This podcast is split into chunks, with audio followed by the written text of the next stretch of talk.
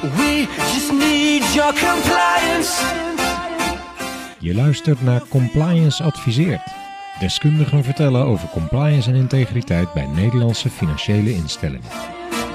We just need your compliance.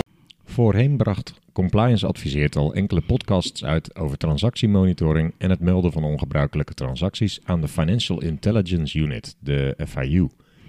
De zogenaamde Dissemination Notification, dat is dus de melding van de FIU aan de meldende partij dat de FIU één of enkele transacties na hun onderzoek verdacht hebben verklaard, die bespraken we nog niet eerder in de podcast Compliance Adviseert. In de praktijk komt het misschien niet zo vaak voor, maar als de FIU transacties verdacht verklaart, hoe komt de instelling dat dan te weten?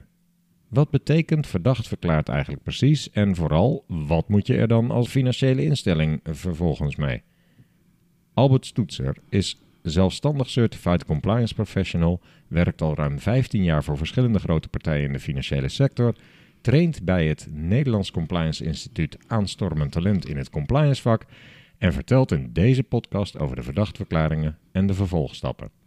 Welkom Albert, leuk je te spreken in deze podcast. Nou, leuk Erik eh, en uh, dankjewel dat je me hebt uitgenodigd voor deze podcast.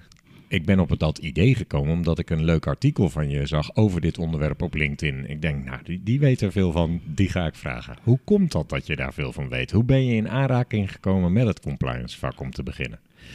Nou, in uh, 2001 uh, werd ik gebeld door een relatie namens een Belgische bank. En die, die, die wilde graag een, een netwerk met agentschappen en branches uitrollen in Nederland. Alleen ze hadden wat problemen met het paspoorten van een Belgische bankvergunning naar Nederland. En daar heb ik ze toen bij geholpen. Dat was nog in het kader van de wet toezicht kredietwezen. Maar dat is wel gelukt toen. Omdat dat eigenlijk wel een succesvol traject was. Vroegen ze me vervolgens om aan te blijven bij die bank. Als assistent-directeur. Vooral om alle wetgeving op het gebied van financieel ordeningsrecht en op het gebied van uh, de WID, hè, de wet identificatie dienstverlening toen nog. Ja. En de MOT, hè, de, de wet melding ja. ongebruikelijke transacties. Ja. Vooral, uh, dat zijn nogal wat wetten die allemaal veranderd zijn en gem ja. gemorfd richting WWFT. Ja, ja, ja, ja precies. Om, om dat ja, voor, voor die instelling uh, gewoon duidelijk en helder te krijgen. En ze daarbij te helpen. En dat heb ik toen gedaan. Ja, en zo ben ik eigenlijk in, in het vak gerold en, en gebleven. Ja, ja, maar wel dus altijd bij banken, begrijp ik banken, betaalinstellingen, MSB's, hè, dus uh, instellingen die uh, uh, money transfers doen. Oh ja. Wisselinstellingen, ook, ook veel. Mm, ja, okay. dus, dus op dat gebied. Duidelijk. Ja. En hoe heb je het compliance vak in de afgelopen jaren zien veranderen dan? Oorspronkelijk is compliance natuurlijk ooit eens ontstaan om bij financiële instellingen voorwetenschap, hè, bij effectentransacties te monitoren. Toen ik uh, begon uh, in het compliance vak, zag je dat bij veel instellingen medewerkers de taken er, erbij pakten, als het ware. Je had, je had zeg maar een financieel directeur, die pakte de compliance erbij, of juridisch medewerker, die, die pakte de compliance erbij. Ja. Maar in de loop van de tijd, zo rond 2005, 2010 zo, zag je wel dat, dat steeds meer financiële instellingen echt aparte compliance afdelingen gingen oprichten. Compliance officers gingen aanstellen die, die er eigenlijk een hele dagtaak aan hadden. Ja. En een heel uh, takenpakket kregen op het gebied van uh, advisering, het monitoren van nieuwe wet en regelgeving, het uitleggen van wet en regelgeving, het opleiden van de mensen, het opstellen van uh, compliance monitoring plannen, et cetera. Ja, dat, dat heb jij ook allemaal gedaan in die tijd. En dat heb, dat heb ik allemaal gedaan. Toen je in 2001 ja. begon, wist je waarschijnlijk nog niet eens dat het compliance heette, of wel? Nee, nee, nee absoluut, absoluut niet. Nee, nee. Ik kan me nog herinneren ja. dat ik er helemaal in het begin compliance op mijn uh, visitekaartje had staan. En niemand wist wat het was. Ja, nee. ja. ja. dat is grappig. Dat heb ik ook meegemaakt. En dan uh, ja, vaak inderdaad je, dat je de term uh, compliance dan uh, toch aan de mensen even moest, moest, moest uitleggen. Ja, ja. ja. Nou, dat hoeven wij in onze podcast denk ik niet meer te doen. Maar je kunt me misschien nog wel vertellen wat uh, jouw voornaamste expertises zijn sinds nou ja, die 20 jaar dat je er in het vak zit. Mijn, uh, mijn belangrijkste expertises die zijn wel eigenlijk uh, de werkzaamheden op het gebied van financial economic crime. Zeker veel kennis en ervaring opgedaan op het gebied van transactiemonitoring en fee reporting. Momenteel verricht ik heel veel werk op het gebied van scenario enhancement. Dus dat wil eigenlijk zeggen dat ik eh, met de SIRA in de hand van een, uh, van een bedrijfsonderdeel binnen, binnen de instelling gaan we dan een uh, assessment doen. Om te kijken hoe dat de risico's, de witwasrisico's of de terror, terrorisme financieringsrisico's of sanctierisico's of frauderisico's, hoe, hoe die risico's zich kunnen manifesteren. En als je dat weet, dan weet je ook hoe dat je die risico's vervolgens kunt gaan, gaan beheersen. Hè? Dus welke maatregelen dat je kunt treffen.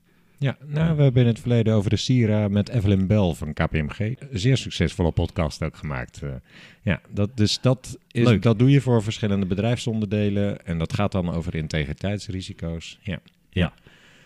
Wat is volgens jou de belangrijkste eigenschap van een goede compliance professional? Ik denk dat je op je instinct moet uh, durven vertrouwen.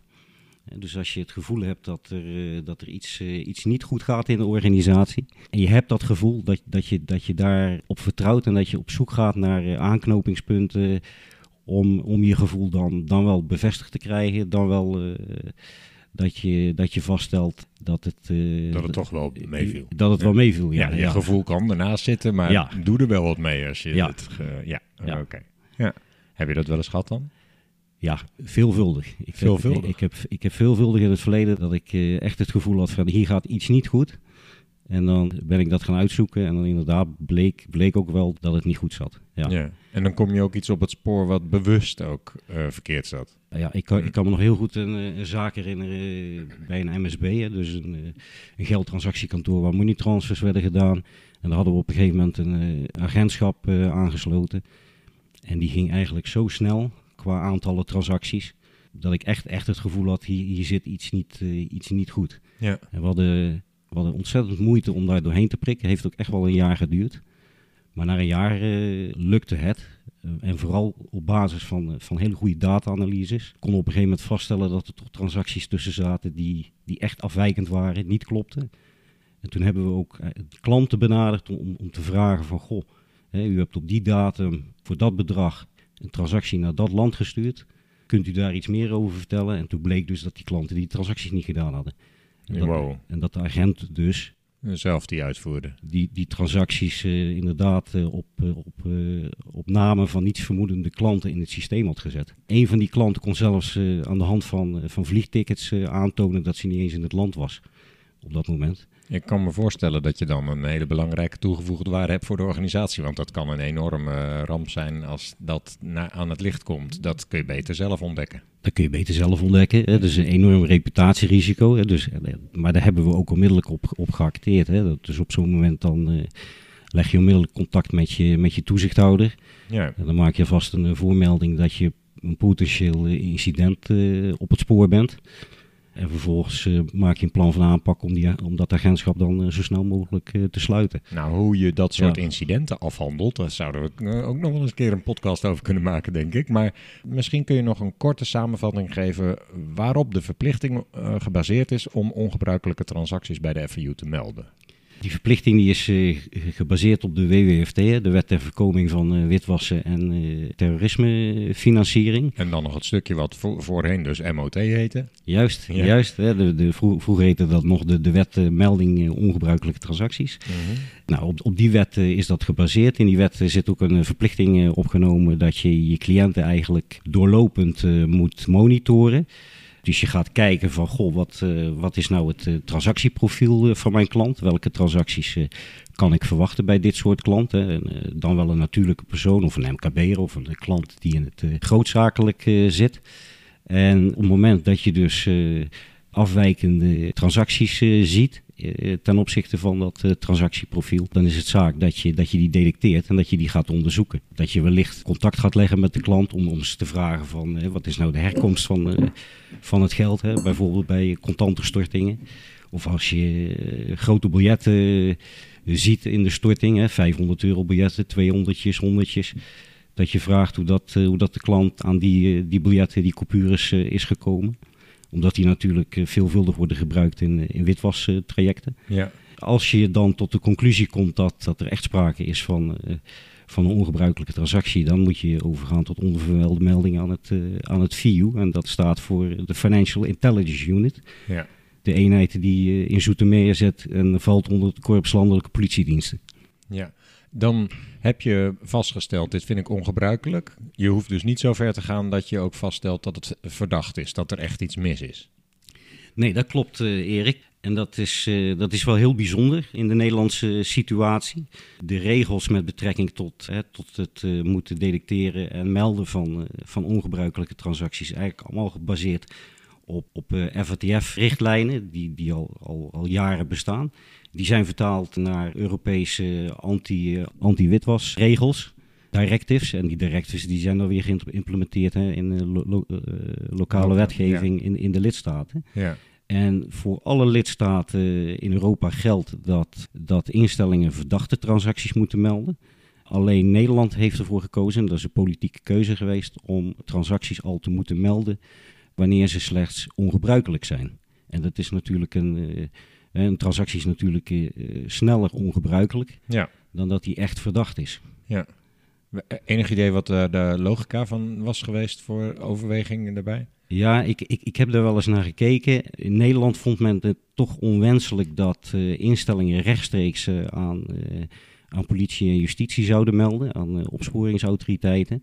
En eh, om die reden hebben ze, hebben ze eh, eh, eigenlijk eh, tussen, tussen politie en justitie en de melde- meldende instelling hebben ze toen het mot, het mot eh, ingebracht. Ja, als, als een soort publiek-private samenwerking, geloof ik, destijds.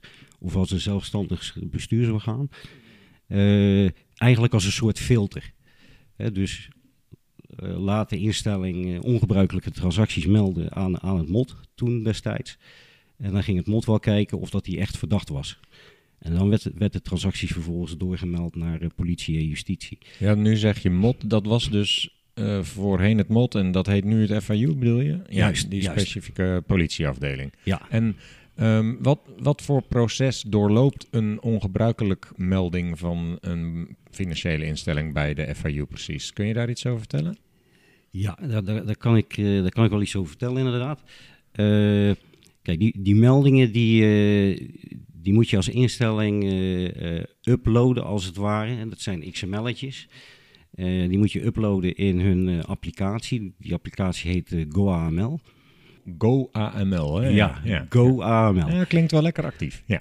Ja, ja, absoluut. En Een het soort aanmoediging. zelfs. aanmoediging om eh, inderdaad eh Ja, goede, goede meldingen te doen. heel goed. Eh, o- overigens is dit een systeem wat wereldwijd wel gebruikt wordt. Hè. Dat, dat, dat is ooit eens eh, door, het, eh, door de United eh, Nations eh, Office on Drugs and Crime eh, is dit, eh, dit systeem eh, in, het, eh, in het leven geroepen. Wordt Mm. door, eh, eigenlijk door alle, alle VIU's wel in de wereld eh, gebruikt. Ja. Eh, nou, en in Nederland eh, moet je dat, dat dus die, die, die user interface, hè, die, die website eh, die ze daarvoor aanbieden, daar log je op in en dan, dan kun je je meldingen daar uploaden. Mhm. Vervolgens controleert het VU automatisch of dat de, de melding juist is en, en volledig. Als dat niet het geval is, dan krijg je eigenlijk onmiddellijk een, een technische reject. Eh, en het is, het is natuurlijk wel zaak dat je, dat, dat je daarop let als instelling, want anders denk je dat je gemeld hebt. Maar je hebt helemaal niet gemeld, want hij is er niet doorheen gegaan door de portal. Ja, ja. ja, dat wordt dan ook niet gezien als melding dus. Nee, Nee. precies. nee. En zo'n technische melding, waar eh, ketst het dan op af? Eh, nou, dat, dat, als je zo'n reject krijgt, dan, eh, dan zit daar meestal ook een rapportje bij eh, waarom dat die wordt afgewezen. Ja. Maar wat zou dat kunnen zijn dan? Onvolledig? Of, On- onvolledig, hè? dus als je bijvoorbeeld meldt op een, op, een, op een bedrijf en het KVK-nummer zit er niet bij, dan krijg je een reject. Ja, oké. Dus dat, het is voornamelijk omdat de FIU eigenlijk niet verder kan met een melding die maar half... eh, Precies. dat, die gegevens, waar gegevens ontbre- ontbreken. Tjonge, jong. Ja, Het is eigenlijk vooral dus waar de FIU eh, gegevens eh, nodig heeft om te kunnen beoordelen wat er is gebeurd. Ja, oké. Ehm, en dan? en dan? Dan. Hij wordt wel geaccepteerd, die melding. Nou, ook heel belangrijk, dan krijg je een confirmation of receipt, eh, krijg je dan in je mailbox in die, in die GoAML-applicatie.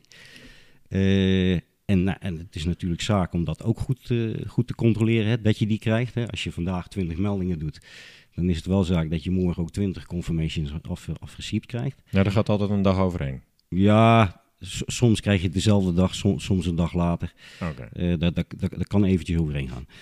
Ehm, en daarna, wat, wat gebeurt er dan aan de kant van het VIEW? Eh, daar worden eigenlijk alle meldingen die binnenkomen, die, gaan, die worden eerst dus eh, volledig geautomatiseerd, gematcht tegen een aantal eh, bronnen. En de eerste, de eerste bron waar ze altijd tegen, tegen matchen, dat is het VROS. Dat staat voor Verwijzingsindex, Recherche, Onderzoeken en Subjecten. Die bron die wordt beheerd door de, door de nationale politie. En in deze bron staan eigenlijk eh, eh, eh, alle personen en entiteiten die op dit moment in lopende onderzoeken zitten. Mhm. Oké. En het is natuurlijk goed dat dat gebeurt, want als er dan een melding binnenkomt, dan weet het VIA ook gelijk van hé, hey, ergens in het land is, is een opsporingsinstantie met die persoon bezig, of die entiteit, en dan kunnen, en dan kunnen ze gelijk contact opnemen met, met die eenheid en, en aangeven van hé, hey, we hebben net een melding, melding binnengekregen, mogelijk voor jullie relevant. Kan het zijn dat het daarbij blijft? Of wordt dan een transactie ongebruikelijk gemeld ook direct verdacht verklaard? Eh, eh, ik, heb, ik heb in het, eh, in het jaarverslag van het VIEW van 2019 eh, v- vond, ik, vond ik daar nog een aanwijzing op. En daar zeggen ze, ongebruikelijke transacties van personen die voorkomen in rechercheonderzoeken kunnen zonder veel nader onderzoek vervolgens verdacht worden verklaard en worden doorgemeld aan de opsporing. Ja. Dus eigenlijk zeggen ze, ja, als, als zo'n zo, zo'n zo'n persoon in dat FROS-systeem staat, Dan, dan leidt dat al snel tot een verdacht verklaring. leidt dat eigenlijk wel Bijna automatisch, tot de verdachtverklaring. Ja. ja. Dan, dan zullen ze daar niet veel tijd nog aan besteden. En Nee. dat was stap 1. En dat is stap 1. Dan is er nog een, eh, een andere bron waartegen ze matchen. Dat is de bron eh, van het eh, Centraal Justitieel Incassobureau. Eh en ik vond dat ook wel interessant, want ik vroeg mezelf ook wel af van waarom doen ze dat nou eigenlijk? Maar dat doen ze dus om te kijken of dat, of dat er personen zijn die in het verleden veroordeeld zijn voor een, voor een pluksevordering. Eh, hè, dus, eh, dus voor het Ook specifiek daarvoor. Dus niet... Ja. ja Oké, ja. Voor, voor het wederrechtelijk, eh, voor het terugbetalen van wederrechtelijk eh, verkregen voordelen eh, Ja. uit, uit, eh, uit hoofden van criminaliteit. En eh, wat, wat je ziet is dat, eh, dat eh, dergelijke personen vaak pretenderen dat ze, ja, dat ze het geld gewoon niet hebben hè, om, om zo'n vordering terug, eh, terug te kunnen betalen, terug te moeten betalen. Eh, dus ze wijzen dat ze geen geld hebben. Maar als het eh FIU vervolgens een melding binnenkrijgt van een wisselkantoor waar, waar ze dan eh, een paar dagen daarvoor eh, 50.000 US dollar gewisseld hebben, dan, ja, dan neemt het FIU snel contact op met het CI CIB om te zeggen van ja, ze, ze zeggen dat ze geen geld hebben, Mhm. maar wij weten intussen anders. Ja, En daar kan de CIB dan weer mee aan de slag en toch achter die centen aan. ja. Ja. Duidelijk. Dat is een tweede stap. Dat is een tweede stap. Hoe- hoeveel volgen er trouwens? Er volgden nog, eh, nog drie geloof ik. Oké, nou, we zijn bij twee. Ja. We gaan nu naar drie, ja? Ja, dan eh, eh, een volgende match die het VIO doet is met, eh, met verzoeken, eh, de zogenaamde LOVJ-verzoeken, dus de verzoeken van de Landelijke Officier van Justitie. Ehm, wat, wat, je, wat je dus ziet is dat het VIO die zit op een hele grote, groot bestand met, eh, met ongebruikelijke transacties. Veel daarvan zijn, zijn helemaal nog niet, eh, niet verdacht verklaard. En dan kan zo'n eh, zo'n zo'n officier, die kan dus zo'n zo'n LOVJ-verzoek indienen bij, Bij de, F, bij de FIU. de FAU, om eens in die, in die grote bak te kijken van transacties die nog niet verdacht zijn verklaard, of dat daar mogelijk toch nog iets tussen zit. Die lijkt een beetje op stap 1 misschien, want eh, de officier van justitie geeft daarmee aan. Ik heb interesse in deze subjecten. Ja, Eh, dus er loopt een soort onderzoek waarschijnlijk. Oké, ja. En eh, dan krijgt die OVJ, eh, die officier van justitie, krijgt een melding van de FIU. Er is weer een ongebruikelijk melding. Ja, ik, ik, ik denk, ik denk de, de nuance tussen zeg maar, het FROS en, en de, en de LOVJ-verzoeken is eh, dat eh, bij FROS dan staat het denk ik wel echt vast dat iemand in een lopend onderzoek zit of eh, echt verhoogde be- belangstelling heeft van, eh, van de opsporingsinstantie.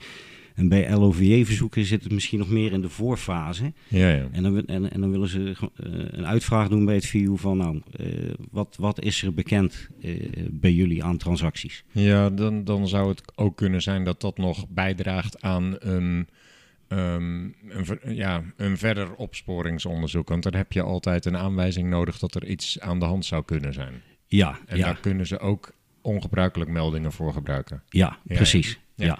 Oké, en dat was drie. En dan gaan we nu over naar vier. Ja, dan, dan kijkt het eh, VU kijkt ook altijd nog naar eh, zogenaamde requests for information, die, eh, die afkomstig kunnen zijn van, van buitenlandse VU's. Ja, ja. Eh, of dat daar wellicht een, eh, een, match, eh, match mee is. Ja, want je zei net, GoAML wordt door, wereldwijd gebruikt door FIU's.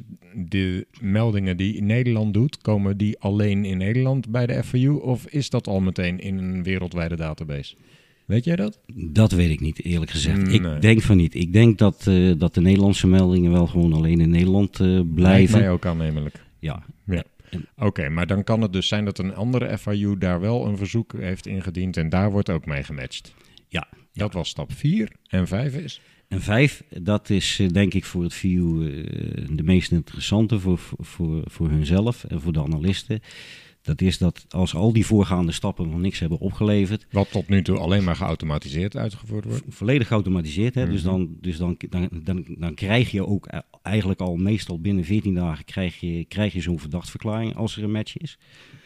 Eh, als laatste stap blijft, blijven dan de, de onderzoeken van het eh, VU zelf eh, over, waarbij de analisten ja, op, op eh, slimme wijze eigenlijk eh, in, die, in die grote bak met ongebruikelijke transacties duiken. Om te kijken of dat, of dat ze zelf nog zaken kunnen vinden die ze, die ze verdacht kunnen verklaren. Ja, dat lijkt misschien zelfs een beetje op een transactiemonitoringsysteem. Dingen die echt opvallen, Ja. clusteren. Want dat is natuurlijk het voordeel van de FIU ook. Zij krijgen van allerlei verschillende financiële instellingen meldingen, terwijl die financiële instellingen individueel dat totaalbeeld niet hebben. Precies, ja. Dus eh, het, het VIO heeft wat dat betreft eh, ja, een, een, een- ja, veel beter overzicht. En eh, zij hebben ook, ook ja, dan verder weer geautomatiseerde systemen met zogenaamde business rules. Die, die alerts triggeren. Die analisten dan vervolgens kunnen oppakken en eh, nader onderzoeken. En, en ze doen bijvoorbeeld ook eh, netwerkanalyses. Hè, dus dan gaan ze kijken of dat, eh, of dat meerdere subjecten en entiteiten transacties met elkaar doen. en bepaalde aggregaties opleveren die, ja, die onderzoekswaardig zijn. Nou, dit geeft wel een wat duidelijker beeld, denk ik, ook voor meldende instellingen. eh, waarom ze eigenlijk eh, zouden moeten melden op het moment dat er iets ongebruikelijks te zien is. Want de FIU kan meer dan wat een financiële instelling kan natuurlijk. Ja. We hebben nu het over die verschillende stappen bij de FIU gehad. Een van die vijf stappen, of misschien wel meerdere van die stappen, leiden tot een, eh, tot een beoordeling door de FIU van dit is eh, deze serie of Ja. deze ene ongebruikelijke melding, die is verdacht. En dan? Ja, ja me- meestal, eh, meestal, meestal zijn het dossiers. Hè? Dus ze hebben een onderzoeksdossier op, op één of meerdere natuurlijke personen of entiteiten. En, en, nou, en daar zitten dan vaak meerdere transacties in. En dan wordt één zo'n zo'n dossier in één keer eh, verdacht verklaard. En dat formeel gebeurt dat door het hoofd van het, eh, van het VIU. Mhm. Ja. Oké, dus ook intern hebben ze nog wel een onderzoeksstappen en laten ze het door de hoofd FIU zeg maar echt verdacht verklaren. Ja, ik veronderstel dat er, dat er inderdaad nog een soort Q&A is. Eh, om, te kijken van, eh, heeft de analist eh, goed zijn werk gedaan? En dan, dan, Ja. dan wordt er wel een, finale klap opgegeven. Ik ja. denk dat het fair is voor de luisteraar. Jij hebt zelf nooit echt intern bij de FIU die processen kunnen bekijken. Hè? Dit, dit, hier gaan we uit van wat we weten op basis van bijvoorbeeld jaarverslagen en dergelijke. En niet veel meer dan dat. Of heb je... Nou, op basis van jaarverslagen, maar ook wel op basis van informatiedagen die, die georganiseerd zijn in het verleden door, eh, door het VU. Hè, waar- waar- Oké. waar- waarbij eh, waarbij eh, eh, de instellingen werden uitgenodigd. Eh, ik ben ook altijd, altijd wel, ieder jaar ging ik naar, eh, eh, naar een relatiedag van eh, de Nederlandse Vereniging van Geldtransactiekantoren. En daar, daar waren dan vertegenwoordigers van DNB en, en van het VU. Eh, maar ook vanuit uit, uit hoofde van mijn rol eh, eh, voor de verschillende instellingen waarvoor ik gewerkt heb, was ik altijd wel liaison tussen de instelling en de, en de accountmanager van, van het VIU. Ja, ja. En daar spraken we dan ieder jaar ja, vier, vijf, soms wel zes keer mee. Ja, dan En- werden de trends besproken en, en de wijze waarop gemeld Ja. werd en dergelijke. Ja, Ja, En, en bij al die, ja, al die, al die ontmoetingen kon je dan wel informatie, Ontstaat wel een beeld. een beeld van eh, Ja. hoe, hoe ze binnen het VIU te werk gaan. Ja. duidelijk. Nee, dan, dat, daarmee is het proces bij de FIU helder. Een serie of een dossier is verdacht verklaard. En dan? Ja. ja. Nou, dan eh, de instelling die ontvangt dan dus zo'n eh, zo'n dissemination notification. Dat Hoeveel tijd kan daar overheen gaan? dat, bij zo'n bij zo'n volledig automatische match kun je dat eh, binnen een week, binnen 14 dagen, kun je, kun je die dissemination notification na het indienen van je ongebruikelijke transactie, kan die al binnenkomen. Ja. Maar het kan dus ook, als het eh, dat, die Ja. vijfde stap is, kan het langer duren. ja. ja. En, als, en als het eh, VU zeg maar transacties verdacht verklaart op, op basis van eigen onderzoek, ja, dat kan zelfs na vijf jaar zijn Ja. nadat je een ongebruikelijke transactie hebt ingediend. Nou ja, het zou zelfs zo kunnen dat eh, de transacties die de financiële instelling zelf ziet, in eerste instantie gewoon niet of ongebruikelijk ziet, maar ook pas na vijf jaar. Dus er kan behoorlijk wat tijd tussen Ja. de oorspronkelijke criminele gedrag Ja. zitten en de verdachtverklaring eh, Ja. in totaal. Als, je- als, je, hem- als je hem nou gelijk krijgt, vrij snel krijgt, krijgt, dan weet je dus als instelling Ja, ja, van, dat is een oh, goeie. Oh dit, Nee. dit is, dit is, eh, hier moeten we opletten, want mogelijk dat, dat deze klant in een lopend opsporingsonderzoek zit. Ja. ja, ja. Hoe sneller de melding, hoe meer verdacht misschien. Ja, Ja, oké. Ja. Dissemination notification letterlijk betekent dat kennisgeving van verspreiding. Wat bedoelt de FIU daar dan precies mee? Ehm, het- ik vind het ook een hele mooie naam. En de eerste keer dat ik, dat ik eh, deze naam eh, eh, hoorde, moest ik ook echt gaan opzoeken van, joh, wat is dit nou precies? maar toen bleek het dus gewoon een verdachtverklaring te zijn. Ja, ja, ja. ja. Ehm, eh, wa- wat, wat het, wat het inhoudt is dat, dat de transactie dus via de, de politiebrede applicatie Blueview eh, wordt gedeeld met, eh, met de opsporingsinstanties in Nederland. Eh, de normale opsporings- en de bijzondere opsporingsinstanties. Ja, dat is eigenlijk de verspreidingsstap die de FIU heeft gedaan. Ja, Dat melden ze, wij hebben dat gedaan en Ja. dat krijgt de financiële instelling dan te horen. D- dat is één overigens. En, en, en, en eh, wat, wat, wat het ook betekent is dat de accountmanagers van het VIU, die kunnen dus actief, actief met, eh, met zo'n dossier waar dus allemaal eh, verdachtverklaringen in zitten, ver- verdachtverklaarde transacties, eh, langs, langs opsporingsinstanties gaan om te kijken of, of, dat, ze, of dat ze belangstelling hebben om, om zo'n zaak op te pakken. Mhm.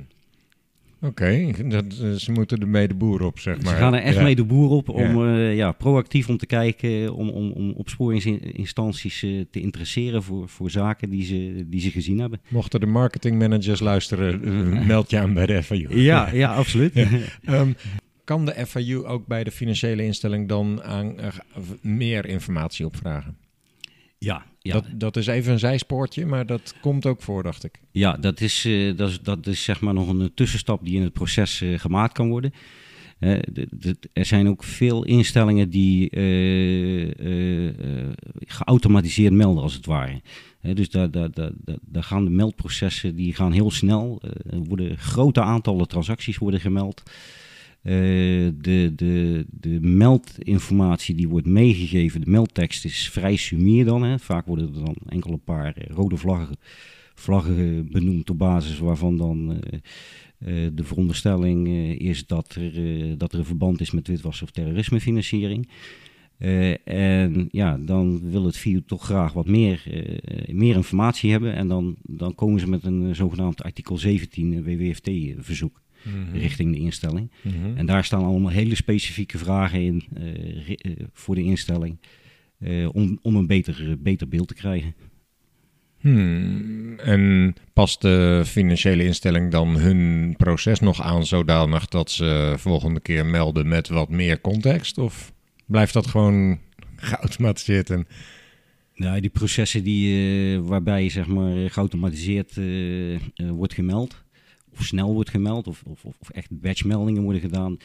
Die, eh, die processen blijven gewoon verder wel hetzelfde. Ja. Eh, als het VU dus meer informatie eh, wil, nou, dan kunnen ze makkelijk aan de hand van zo'n artikel 17 eh, bevraging die uitvragen doen. Ja. En dan neemt de instelling alle tijd en gelegenheid om daar goed en gedegen op te antwoorden. Ja. Laten we dan nog even wat verder ingaan op wat zo'n dissemination notification dan precies aan informatie bevat. Heel weinig. ja, oké, daar kunnen we kort over zijn. Daar kunnen we heel kort over zijn. Er zitten, twee, eh, er zitten eigenlijk twee, eh, twee, twee nummers in. Een, eh, een nummer van het VIU, waaronder de transactie is geregistreerd. En een, het nummer van de meldende instelling zelf. Ja, alle, een soort koppeling tussen het Ja. dossier wat de FAU heeft en wat de instelling heeft. Ja. En aan de hand van je eigen, je eigen meldnummer kun, je, kun je dus het dossier erbij zoeken. En dan weet je dus Om welke transacties het gaat. juist. Ja, Dat is het enige wat erin staat. meer staat er niet in. Dus je hebt geen idee als financiële instelling wat de reden is waarom het verdacht verklaard werd. Exact. Ja. Duidelijk. Hoe ontvangt zo'n financiële instelling zo'n melding? Nou, je hebt dus die, eh, die user interface, eh, die GoAML. Die GoAML. En daar zit, daar zit gewoon een mailbox in, net als in je, je Microsoft eh, Outlook. Ja, dus je krijgt het niet in je gewone mail binnen. Je moet in GoAML kijken eh, Ja. in de mailbox daar. Ja, ja. Oké. Bij wie komt die melding dan binnen? Kan iedereen in de financiële instelling die mailbox openen? Nee, eh, die, die, die mailbox die, eh, die wordt alleen ter beschikking gesteld aan, aan eh, personen die die, eh, ja, die taak hebben toebedeeld gekregen. Ja, dus de, degene die zelf de melding doen, die moeten ook zelf die inbox in de gaten houden. Eh, nee, niet, eh, niet per se hoor. Dat, eh, het is een beetje verschillend. Hè. Bij kleinere instellingen li- ligt het vaak allemaal in de hand van, van een transactiemonitoring officer. En, en de, de compliance officer die kan meestal ook nog wel in, die, in die mailbox. Oké. En eh, bij, bij hele grote instellingen worden er echt eh, specifieke, specifieke mensen voor, eh, voor aangewezen die vaak werkzaam zijn in de hoek van, van transactiemonitoring. Oké. Nou, weten we een beetje waar je op moet letten als financiële instelling? Want je Ja. zou hem zomaar over het hoofd kunnen zien misschien als je alleen maar gaat zitten melden en denkt, ja, ik krijg nooit wat terug. Misschien wordt er wel vaker verdacht verklaard dan wij weten. Ja, je moet hem goed in de gaten houden, die, die mailbox. Daar moet je gewoon echt even iedere dag inchecken. Zeker, zeker als, je, als, je, als, je, als je regelmatig meldt. Ja. Ja, ja. Waarom zegt de FIU niet, eh, om deze reden vinden wij deze on- transacties on- eh, verdacht? Waarom dat ze dat niet... eh, ja, ik, ik, dat, ik, denk dat dat wettelijk zo, eh, zo is ingeregeld... dat ze die informatie verder niet, eh, niet mogen delen. Ik denk, ik denk dat het ook wel in het belang is van het opsporingsonderzoek... Ja, ja. om, om zo min mogelijk eh, informatie in brede kring te verspreiden... omdat dat mogelijk dan toch op enig moment... het onderzoek kan on- belemmeren. Juist, ja. Ja. ja. Ja, nou dat lijkt me een redelijke aanname inderdaad. Ehm, heb je enig idee hoe vaak ongebruikelijk gemelde transacties verdacht worden verklaard? In percentages of absolute aantallen?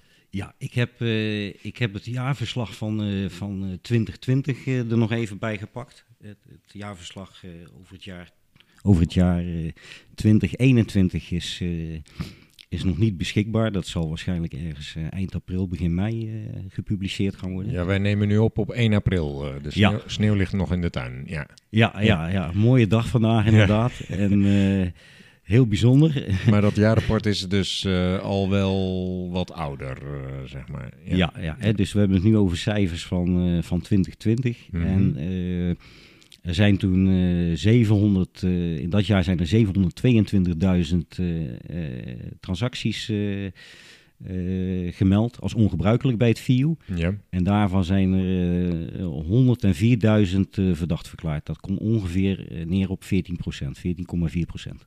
Mhm. Oké, 14% ongeveer. Ja. Valt er dan nog iets te zeggen over bepaalde kenmerken van ongebruikelijke transacties die financiële instellingen melden? Er zijn dus objectieve indicatoren. Ik stel me voor dat daar ook veel op gemeld wordt. Maken die nou minder of meer kans om verdacht verklaard te worden? Ehm, dat weet ik eerlijk gezegd niet. Stel dat eh, de instelling veel context geeft bij de meldingen die ze doen. In plaats van bijvoorbeeld even een korte woordje of zo erbij. Mogelijk witwassen, ik noem Ja. maar wat. Als je dat er alleen maar bij zet. Ja. Heb jij enig idee of dat dan vaker leidt tot verdachtverklaring? Vergeleken met bijvoorbeeld dat die geautomatiseerde transacties? Ehm, nou, in, in het, in, eh, hiervoor heb ik natuurlijk al uitgelegd dat eh, ehm, eh, binnenkomende ongebruikelijke transacties eerst gematcht worden hè, tegen een aantal bronnen. Dan wordt nog nauwelijks naar de context gekeken. En, en, er wordt niet naar de context gekeken verder. Nee. Hè? Dus dat, dat, is, dat is volautomatisch. Eh, eh, maar voor, voor het eigen onderzoek is het natuurlijk wel relevant.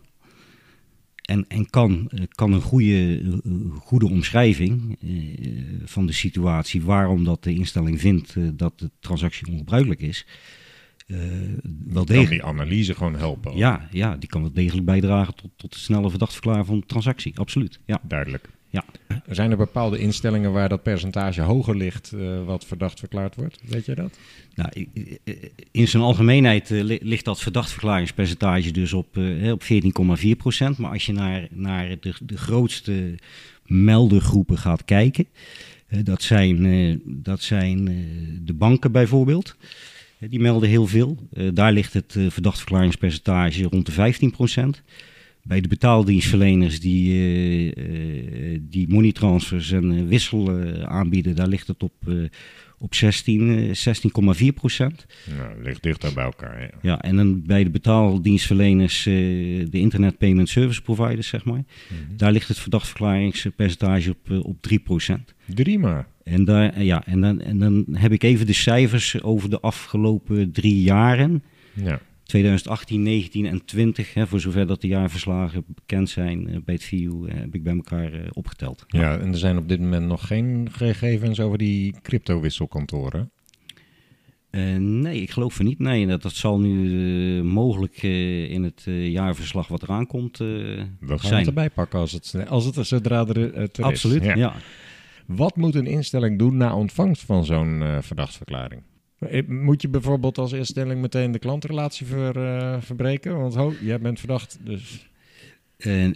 Nee, nee, niet, Niet. niet, niet, niet, niet, eh, niet eh, onmiddellijk. Eh, althans, eh, je ziet bijvoorbeeld wel bij, eh, bij de MSB's, hè, dus de, de instellingen die, eh, die eh, money transfers doen, dat die wat makkelijker eh, kunnen acteren. Hè. Als die zo'n verdachtverklaring eh, krijgen, dan, dan zijn er wel instellingen die zo'n klant onmiddellijk eh, op, een, op een zwarte lijst zetten. En dan de volgende keer als de klant bij het kantoor komt om een money transfer te doen, krijgt hij te horen dat, Niet geaccepteerd. ja, dat, hij, dat hij niet geholpen kan worden. En, en, en verder, verder wordt er dan om veiligheidsredenen geen mededeling gedaan. Hè. Dat wordt En zo'n MSB doet dan ook verder niet onderzoek naar die klant verder. Eh, jawel, ja, zeker. Oh. Eh, hè, dus, die, dus die dissemination of die, die, die verdachtverklaring, die komt dan binnen. En dan, eh, nou, dan gaat die klant die gaat, die gaat, die gaat op die zwarte lijst. of, of voorlopig even op de zwarte lijst. En dan, en dan gaan ze onderzoek doen. En, maar meestal komt het erop neer dat alle transacties die die klant gedaan heeft... en die nog niet- niet eerder gemeld zijn, dat die worden nagemeld. Eh, als ongebruikelijk. Ja, En- dat wil dus zeggen, je kijkt in de geschiedenis en ook die ga je dan als ongebruikelijk melden. ja, Om, door die verdachtverklaring. Door die verdachtverklaring, hè, dus dan wordt er teruggekeken tot vijf jaar terug. En alles wat nog niet gemeld is, wo- wordt dan alsnog gemeld. Ja, en, ja. en je ziet dan ook dat die transacties eigenlijk bi- binnen een week of veertien dagen ook allemaal verdacht worden verklaard. Ja, ja. Dus dat is ook wel belangrijk om die stap niet te vergeten. Dat je dat nog wel even meldt. Ja, Ja. Nou, je ziet bij, eh, bij eh, andere instellingen zoals banken dat eh, daar ligt het wat genuanceerder. Hè. Daar kun je niet zomaar een, rekening, een betaalrekening van, zeker niet van een natuurlijk persoon, zomaar sluiten. Waarom is dat verschil? Omdat, omdat eh, er eh, Europese wetgeving is die iedere natuurlijk persoon in Europa het recht geeft op een, eh, op een betaalrekening. Ja, ja, Omdat het gewoon essentieel is, want anders kun je niet deelnemen aan het maatschappelijk verkeer. duidelijk. Ik kan me ook voorstellen, een money service bedrijf heeft ook niet per se echt een heel een langdurige band of zo met een klant. Klopt dat? Nee, precies. eh, nee, het zijn meestal eenmalige transacties en verder zie je die klant nooit. het, het zijn, ja, het zijn, het zijn eh, vaak incidentele transacties. Aan de andere kant heb je ook wel klanten die gewoon iedere maand een keer langskomen. om, om een transactie te doen of een paar transacties. Ja, ja. Over meerdere jaren heen. Dus, dus ja, ook, ook op zo'n manier ontstaat er dan wel een... Nou, dan heb je wel een langdurige relatie, ja. Ja. Maar oké, dat is het belangrijkste verschil. Wat Ja. doet zo'n bank er dan mee? Met Dus- zo'n verdachtsverklaring? Hè, dus dus, dus wat, wat banken, banken kunnen doen is eh, eh, in eerste instantie gaan kijken van st- staat die klant wel in de juiste risicoclassificatie. Het kan best zijn dat, dat hij nog in een eh, klassificatie laag zit of in normaal. Dan zou ik hem zeker in hoog zetten. Eh, ook gaan kijken op die rekening van ja, hebben we, hebben we alles wel goed gezien eh, tijdens het eerste onderzoek wat we gedaan hebben? Of hebben we toch nog ongebruikelijke transacties over het hoofd gezien hè, met de informatie die we nu hebben? Eh, en dan ervoor zorgen dat het alsnog wordt nagemeld. Ik, ik zou zeker op dat soort klanten ook eh, een vorm van close monitoring zetten. hè. Dus dat, dat echt veel frequenter naar die klant en zijn rekening wordt gekeken wat er, wat er gebeurt. En wat je eventueel nog kunt doen is een verkoopblokkade. Dat, je, dat je niet nog eh, Nieuwe producten. nieuwe producten gaat aansluiten. Mhm. En, eh, maar ja, het is, het is wel goed zaak om, eh, om, om zo'n klant echt heel goed te monitoren. Want als je dus in die situatie terechtkomt van, eh, van steeds toch weer op, opnieuw meldingen moeten doen op die klant. En er komen artikel 17 bevragingen binnen van, van het, eh, van het VU. En er komen misschien politievorderingen binnen op zo'n klant. En je ziet misschien ook nog iets van informatie eh, in, in nieuwsberichten dat er een inval heeft plaatsgevonden bij zo'n klant. Ja, dan kun je op een gegeven moment niet, niet, niet, niet meer volhouden dat, eh, Dat er niks eh, aan de hand is. dat er niks aan de hand is en dat je die rekening open laat staan. Hè? Want, je, want voor je het weet maak je jezelf op een gegeven moment gewoon schuldig aan, eh, aan schuldwitwassen als, eh, als instelling. Ja. Dat is het grootste risico wat je dan ziet. Ja, dat is wel het grootste risico. En dan, hè, dus je ziet dan ook dat, eh, dat ook, eh, ook bij banken, dan wordt er eh, wel in een vroeg stadium begonnen met eigenlijk met het opstellen van een dossier en het voorbereiden van een dossier richting een exit van zo'n klant. Duidelijk. Ja. En mag de klant dan ook worden geïnformeerd over zo'n dissemination notification? Nee, absoluut, eh, absoluut niet. Eh, in, in, de, in de WWFT eh, zijn, zijn duidelijke verboden opgenomen dat, dat je klant eh, absoluut niet mag informeren over, over ongebruikelijke transacties die je hebt gemeld bij de FIU. Laat staan verdachtverklaringen die zijn, zijn binnengekomen. Duidelijk. Dus je mag, dat, je mag dat zeer zeker niet, niet melden. Dat is, dat is strafbaar als je dat meldt Kijk aan. bij je klant. Ja. En is het dan van belang voor de organisatie om met die dissemination notification intern dus ook voorzichtig om te gaan? Want voor je het weet, weet wel hoor. Het is niet de bedoeling dat het op intranet van de financiële instelling verschijnt, neem ik aan. Wie, welke functionarissen zou je er intern wel over informeren? Bijvoorbeeld je accountmanager, zou je dat doen?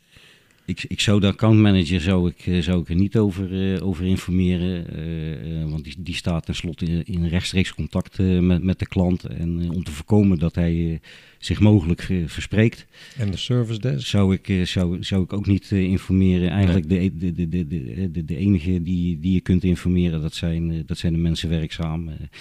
bij de KYC-afdelingen en bij transactiemonitoring. Die, en dan alleen op need-to-know basis. Die, die zich rechtstreeks met, eh, met, met die klant eh, en zijn transacties eh, bezighouden. En wat is jouw advies in de praktijk? Hoe weet zo'n accountmanager dat hij dan niks meer nieuws mag verkopen aan die klant? Zonder dat hij weet dat het een verdachtsverklaring heeft opgeleverd? Oh, dan, dan, dan, dan wordt er in het, in het, in het CRM-systeem van, van de instelling wo- wordt, wordt die ver- verkoopblokkade aangetekend. Maar geen reden ervoor. Maar geen reden erbij, nee. Precies, Nee. ja. Oké.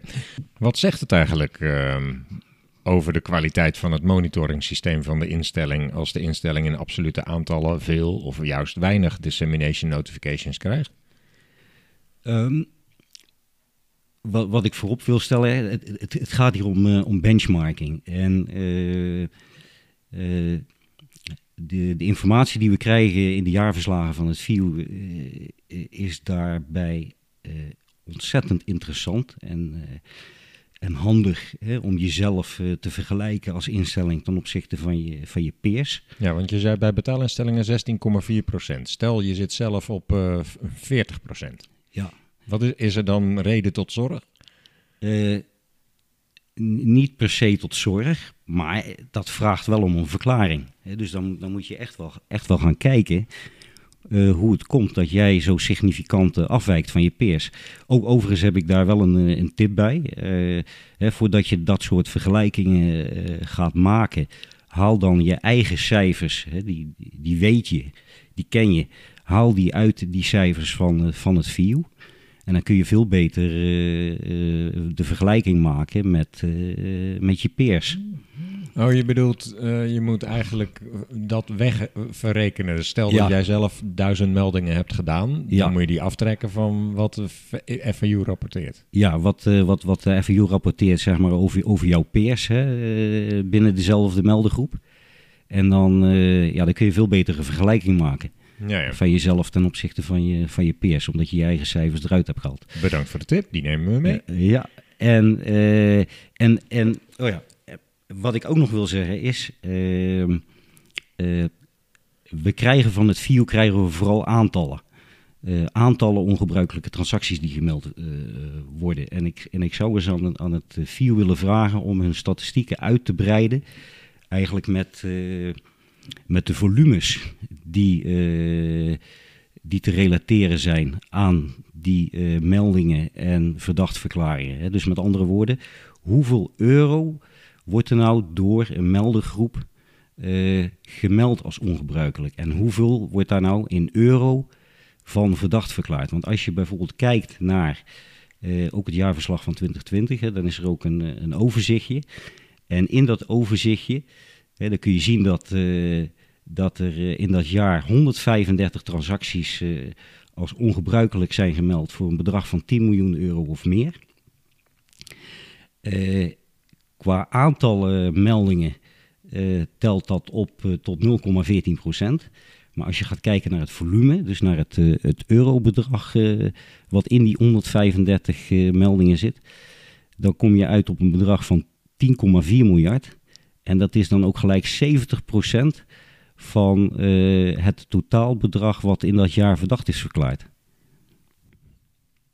Eh, en over welke cijfers ging dat precies? Sorry. En dat gaat over het jaar eh, 2020. Ja, dat snap ik. Maar dat zijn, je zou, had het over 134 meldingen. Ja, hè, dus, dus in eh, 2020 zijn er, eh, zijn er eh, 100.000, eh, meer dan 100.000 transacties verdacht verklaard. Ja. Ehm, en eh, eh, in die 100.000 transacties, daar zitten 135 transacties van 10 miljoen euro of meer. Ja, ja, oké. En, Ja. die, en, die, en, die, en die tellen dus bij elkaar op voor meer dan 10,4 miljard aan, aan verdacht verklaard geld. Eh, oftewel 70% van al het verdacht verklaarde geld in dat jaar. Ja, ja. Dus die rest is eigenlijk eh, klein bier ongeveer. Ja, Ja. ja. en dan is het natuurlijk wel interessant om, om, eh, ja, om vast te kunnen stellen... welke meldengroep is nou verantwoordelijk voor die meldingen Ja, en die verdachtverklaringen? Ja de- want dat wordt niet uitgesplitst. Nee, Nee.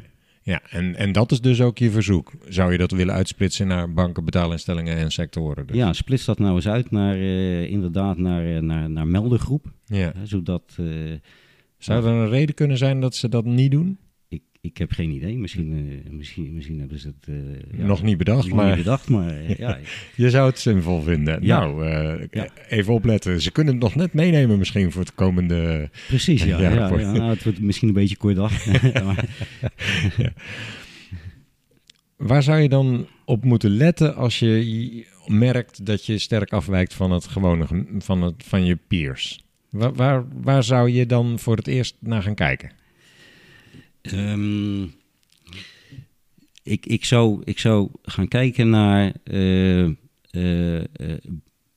biedt de instelling dan misschien toch, toch haar diensten aan aan, aan, aan klanten die een, die, die een hoger risicoprofiel hebben qua, qua transacties? Ja. Daar Eh, zou de mogelijke verklaring kunnen liggen. Nee, dus, dus je, ja, je accepteert te hoog risico klanten dan. ja dat, dat zou een verklaring kunnen zijn. Maar een andere verklaring zou kunnen zijn dat je pas meldingen doet eh, als je eh, eigenlijk eh, in de transacties hè, die, die, die gedetecteerd worden door de systemen, die alerts opleveren of, of die je binnenkrijgt aan de hand van signalen. Dat je als instelling pas overgaat tot het doen van een melding als, er echt een, als je echt een smoking gun ziet in, in, de, eh, in de transactie. Ja, eh, misschien is je drempel om te melden te hoog. Juist, juist. Want als je, als je pas gaat melden eh, als je echt een smoking gun ziet, ja, dan is het ook veel makkelijker voor het VIO om die transactie verdacht te verklaren. Heb jij de indruk dat als je dat rapport leest van de VU, dat die 16% voor eh, betaalinstellingen en banken, dat dat ook ongeveer het gewenste percentage is wat zij zouden. De, de, zijn ze daar blij mee? Zou dat ook een streefcijfer zijn? Of zouden ze eigenlijk zeggen: nee, je moet meer of minder onderzoek doen? Ehm, ik, ik, ik, eh, daar heb ik eigenlijk geen idee bij of dat, eh, of, of dat, dat dan een, Nee. een streefcijfer is.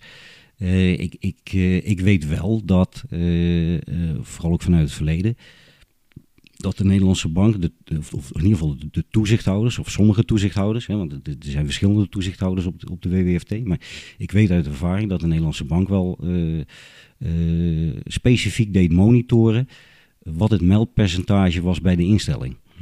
En eh, je kon dan ook wel een telefoontje verwachten als, als je in, in enige maand eh, significant afweek eh, in percentage. Ja, maar die gegevens krijgen ze dus ook van rechtstreeks van de FIU. Ja, Ja. ja. ja, die, ja, daar eh, hebben we het net nog niet over gehad. Maar op die manier worden dus ook de cijfers van de FIU gebruikt door de toezichthouder om te kijken, voldoe jij wel aan de norm? ja, precies. En de norm is je peer group. Ja. Ja, Ja, precies. En, maar ook, ook gewoon je, die, die, die- de historie van de instelling zelf. Het kan best Ja, ja. zijn dat, dat een instelling net, net even een wat andere profiel heeft qua, qua producten en diensten die, die ze aanbieden. eh, dan, eh, dan een andere instelling in dezelfde meldengroep. Eh, en dat, dat daar gewoon een eigen percentage bij hoort, als het ware. ja. Maar het, kan ook, het, het zou ook, misschien zijn er ook wel instellingen die er heel trots op zijn, dat die, hun percentage hoger ligt dan eh, het gemiddelde. Want eh, wij doen het dus beter. Eh, dat, dat hoor je wel als argument dat, eh, hè, dat, dat, dat, eh, ja, dat ze dan zeggen van inderdaad van ja, nou, ons percentage ligt hoger dan, dan, dan, dan het gemiddelde van de peergroep. Maar het zou dus best kunnen zijn dat dat dus te maken heeft om, om, omdat de meldgrens bij zo'n instelling gewoon ja, f- hoger ligt dan bij, bij een andere instelling. Een, het jaarrapport van de FIU zou dus voor elke instelling eigenlijk aanleiding moeten zijn om eens te gaan analyseren. Hoe doen we het nou eigenlijk precies? En kan het beter of kan het, eh, moet het strakker, moet het minder strak? Ja, kan, Ja. Kan, ik, kan ik zeker aanbevelen. Ja. Goeie. Wat is nou de meest gehoorde uitdaging voor financiële instellingen bij het proces dat volgt op een verdachtverklaring? Nou, de, de, de grootste uitdaging is eigenlijk wel eh, als je voor de eerste keer een, eh, zo'n verdachtverklaring op een klant binnenkrijgt. eh, om, om vast te stellen, zit de verdachtverklaring nou op de klant of zit het nou op de tegenpartij?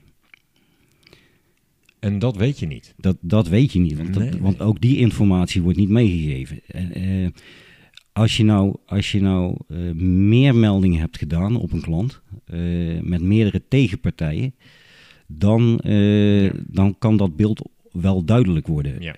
Want eh, eh, ja, als, als die verdachtverklaringen echt zitten, eh, echt op je klant eh, en niet op de tegenpartij, dan, eh, dan kun je ook wel zien in je data soms dat, eh, dat je vanuit een andere klant hebt gemeld op zo'nzelfde tegenpartij en die wordt dan niet verdacht verklaard. En door dat soort Ja, vergelijkingen te maken kun je dan wel het onderscheid maken of dat het dan op de klant zit, op de tegenpartij of soms op beide.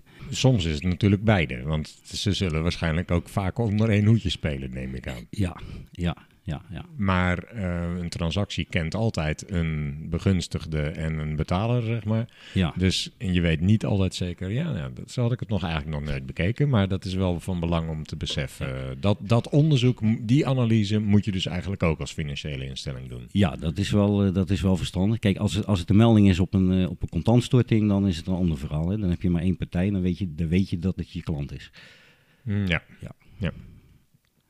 Kun je ervan uitgaan dat een cliënt minder risicovol is voor de instelling als er geen dissemination notification volgt op een melding ongebruikelijke transacties? Eh, ja, goede, goede vraag. Eh, ja, in, in principe wel, hè, want je weet in ieder geval dat, eh, dat hij niet in een lopend onderzoek zit en, en dat hij niet in een verhoogde belangstelling staat van, van de opsporingsdiensten. Ehm, aan de andere kant, ja, als je meldingen doet eh, op, een, eh, op een klant, eh, ja, dat doe je niet voor niets. Hè? Dus ook daar moet je wel wat mee. Hè? Dan moet je ook wel weer gaan kijken van zit die klant wel in de juiste risicoclassificatie.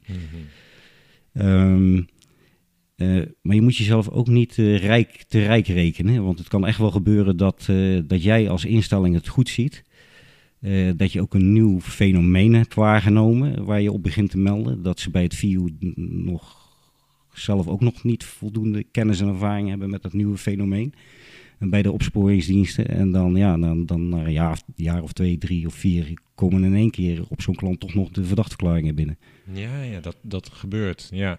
ja, dus je kan ook eigenlijk niet zeggen: ik heb niks terug gehad, want het kan jaren later ook pas zijn. Het kan Ja. ook gewoon jaren later pas binnenkomen. Ja. Ja. Nee, dus dit wordt niet een nieuw onderdeel van KYC. Dat je gewoon alles wat je nieuw accepteert naar de FIU stuurt. Nee. en dan af van, oh, niks Nee. teruggehoord, laag risico. Maar wat je, wat je wel ziet, eh, is, is soms een beetje eh, de, de, de omgekeerde variant. Dus dan heb je een klant, die, daar heb je verdachtverklaring op. Die, eh, daar, heb, daar heb je, en dat zie je dan meer bij, eh, bij instellingen die dan incidentele transacties eh, verwerken. Hè, zoals die MSB's en dan money transfers. Dan, dan komt er zo'n verdachtverklaring binnen op zo'n klant. Dan zetten ze hem op, op zo'n zwarte lijst. Dan blijft hij dan opstaan eh, gedurende een periode van drie tot vijf jaar. En dan na zo'n periode, dan, nou, dan geven ze de, de klant weer de gelegenheid om een keer een transactie te doen. Ja, ja. Dan wordt hij wel gemeld vanwege zijn historie, Ja. hè, omdat hij in het verleden al een verdachtverklaring heeft gehad. En dan kijkt de instelling of dat hij eh, eh, eh, weer opnieuw verdacht wordt verklaard. ja. En als dat zo is, nou ja, dan, gaat, dan gaat hij weer op, op, de, op de zwarte lijst. En, Ja. en als die, als die dan niet verdacht verklaard wordt, dan weet de instelling dat het gevaar intussen geweken is. ja. En dat ze die klant eh, weliswaar on- onder verscherpt toezicht weer eventueel transacties kunnen laten doen. Ik zit nog even te denken. hè. Je vertelde eerder in de podcast dat je niet de klant mag laten weten dat er een melding is gedaan. Ik kom als klant bij zo'n money transfer bedrijf en ik krijg te horen: u mag geen transactie uitvoeren. Dan weet ik toch wat er aan de hand is, of niet? Ja, klanten, kla- kijk, de, eh, zeker de, de echte foute jongens, die weten wel hoe dat het zit. En, en dan merk je ook gewoon in de praktijk, die stellen niet eens vragen. Nee. Nog verdere vragen, die, eh, die bedanken vriendelijk, die draaien zich om. en, die gaan het gewoon ergens anders proberen. Ja, ja. ja. Ehm, er zijn ook klanten die oprecht niet, eh, geen idee hebben. En eh, ja, die proberen dan toch, eh, die gaan dan toch vragen stellen. Maar de, de, de, de Bali-medewerkers die zijn er wel goed geïnstrueerd dat ze niks mogen vertellen. En dan, ja, dan, dan zeggen ze ook letterlijk, nou ja, om veiligheidsredenen mogen wij verder geen mededeling doen. Nee, En sorry, ik kan, ik kan u echt niet helpen. nee. Ja, en daar houdt het ook mee op dan. En daar houdt het dan mee op. Ja, ja.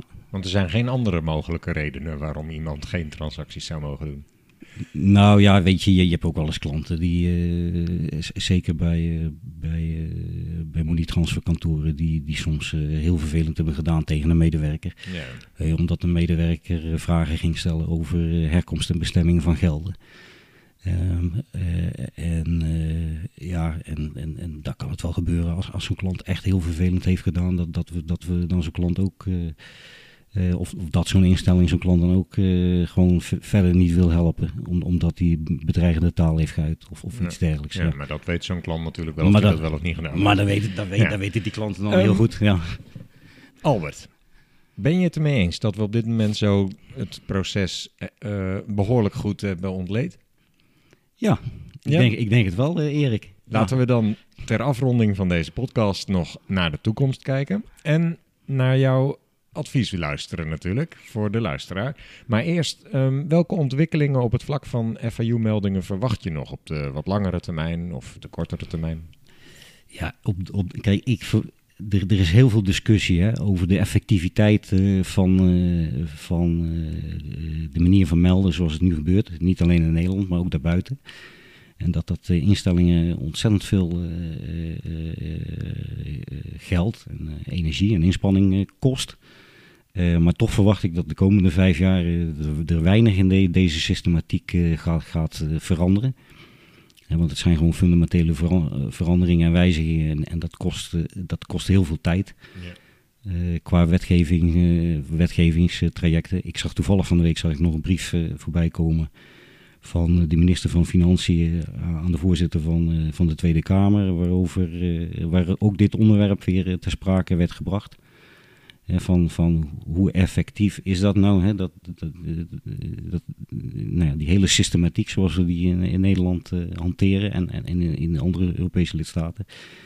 En, maar daar stond ook alweer in van ja, laten we nou eerst, er, er lopen een aantal onderzoeken. Een van de onderzoeken is dan de assessment, de, de, mutual evaluation van de FTF die ze op Nederland hebben gedaan recentelijk. Ja, daar verwachten ze volgend jaar een rapport van. En, nou ja, en in, inderdaad, eind dit jaar of volgend jaar komt dan dat rapport en dat willen ze dan weer eerst afwachten. Nou ja, weet je, dat, dat kost gewoon tijd, dit soort dingen. Ja. Wat vind je zelf van het huidige systeem? Levert het tot op? Ja, ik denk, ik denk dat het systeem toch echt wel iets oplevert. Die, die, die, eh, die 14% aan verdachtverklaringen. En uh, wat je ook, ook ziet is dat de in de afgelopen 10 jaar is het, uh, is het verdachtverklaringsvolume is gestegen van, van, van, van minder dan een miljard naar, naar 19 miljard, ik meen in 2019. Ja, dat gaat wel hard. Dat, dat gaat wel hard ineens. Hè? En, uh, en je, je, je ziet ook wel dat, uh, dat er steeds meer voordelingen gepubliceerd worden bij rechtspraak.nl. waar, waaruit blijkt dat, dat die informatie die is gemeld aan het VIO ook echt is gebruikt in, in de onderzoeken. Ja. nee, ik, ik, ik denk dat het zeker bijdraagt. Ik vind ook wel dat uh, nieuwe initiatieven, hè, zoals de publiek-private samenwerking op het gebied van uh, terrorisme en terrorismefinanciering. En op het gebied van, van de, de, de, zwaar georganiseerde criminaliteit. en het samenwerkingsverband Transactiemonitoring Nederland, waar een aantal grootbanken samenwerken. dat dat soort initiatieven zeker nog meer gaat bijdragen in, in het detecteren van, van ongebruikelijke en verdachte transacties. Ja. Maar vanuit de ontwikkelingen die jij ziet, zou jij voor financiële instellingen nu zeggen: je hoeft je niet op dat soort wijzigingen nu uh, voor te bereiden? Of zijn er nog zaken waarvan jij denkt financiële instellingen zouden de komende tijd in ieder geval nog wel daar en daaraan moeten werken om dit effectiever te maken? Ja, wat, wat, wat je wel ziet zijn uh, dat uh, instellingen meer gaan investeren op het efficiënter maken hè, van het hele onderzoeks- en, en meldproces. En dat er, uh, uh, dat er meer geïnvesteerd wordt in netwerkanalyses vooral. Hè. Dus op een hele slimme manier uh, de systemen, netwerken van criminele verbanden laten detecteren. met, met artificial intelligence. Met, met, ja. met machine learning en artificial intelligence inderdaad. Ook, ja. ook die, die beweging zie, zie je. Verder uh, heb ik begrepen dat er ook een wetswijziging aan zit te komen dat je, dat je transactiemonitoring en, en, en het doen van meldingen dat je dat zou mogen, mogen uitbesteden. Uh, tot nu toe was dat nog verboden. Je, je mag eigenlijk alle, alle werkzaamheden in het kader van CDD mag je uitbesteden, met uitzondering van, van de transactiemonitoring. Dat was uitgezonderd in de wet. Willen ze nu gaan veranderen? Als dat eenmaal zover is, dan, dan zul je wel zien dat uh, instellingen gaan kijken naar, naar partijen, naar service providers die, die het wellicht slimmer, sneller en efficiënter kunnen doen. Ja. En, en misschien ook zelfs offshore. Hè? Dus dan krijg je, krijg je een combinatie van outsourcing en offshoring. Interessant. Ja. ja. ja. Dus dat soort mogelijkheden zijn er aan de horizon. Ja. Wilde je daar nog iets aan toevoegen? Andere ontwikkelingen die je ziet? Nee, eigenlijk uh, ja. Dan ronden we af met het advies van de expert. Wat wil je onze luisteraar meegeven? Ja, ik heb, ik heb het eigenlijk al, uh, al eerder, uh, eerder benoemd durf te vertrouwen op je gut feeling, op je instinct. En, en zorg ervoor dat, dat je goed met groot, zeker in, in, in, in, in het kader van, van dit onderwerp, hè, het doen van detecteren van ongebruikelijke transacties en het doen van meldingen,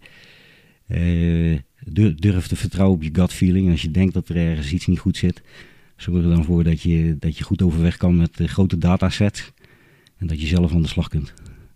En zelf ja onderzoeken. Dat je zelf kunt, ja, dat je zelf kunt onderzoeken en dan, uh, uh, en dan kom je er wel achter of dat het inderdaad fout zit of niet. En, en mijn ervaring is dat je gut feeling meestal wel goed zat. Nou, mijn gut feeling is dat dit in ieder geval een hele mooie podcast is geworden hiermee. Bedankt voor alle details die je hebt willen delen in deze podcast. Voor de luisteraar zou ik nog willen zeggen, waardeer deze podcast in Spotify als je dat kunt of in je andere uh, podcast app. Luisteren jullie weer volgende keer naar Compliance Adviseert. En Albert, veel succes in de toekomst. Dankjewel. Hartelijk dank Erik en jij ook heel veel succes met, met de podcast.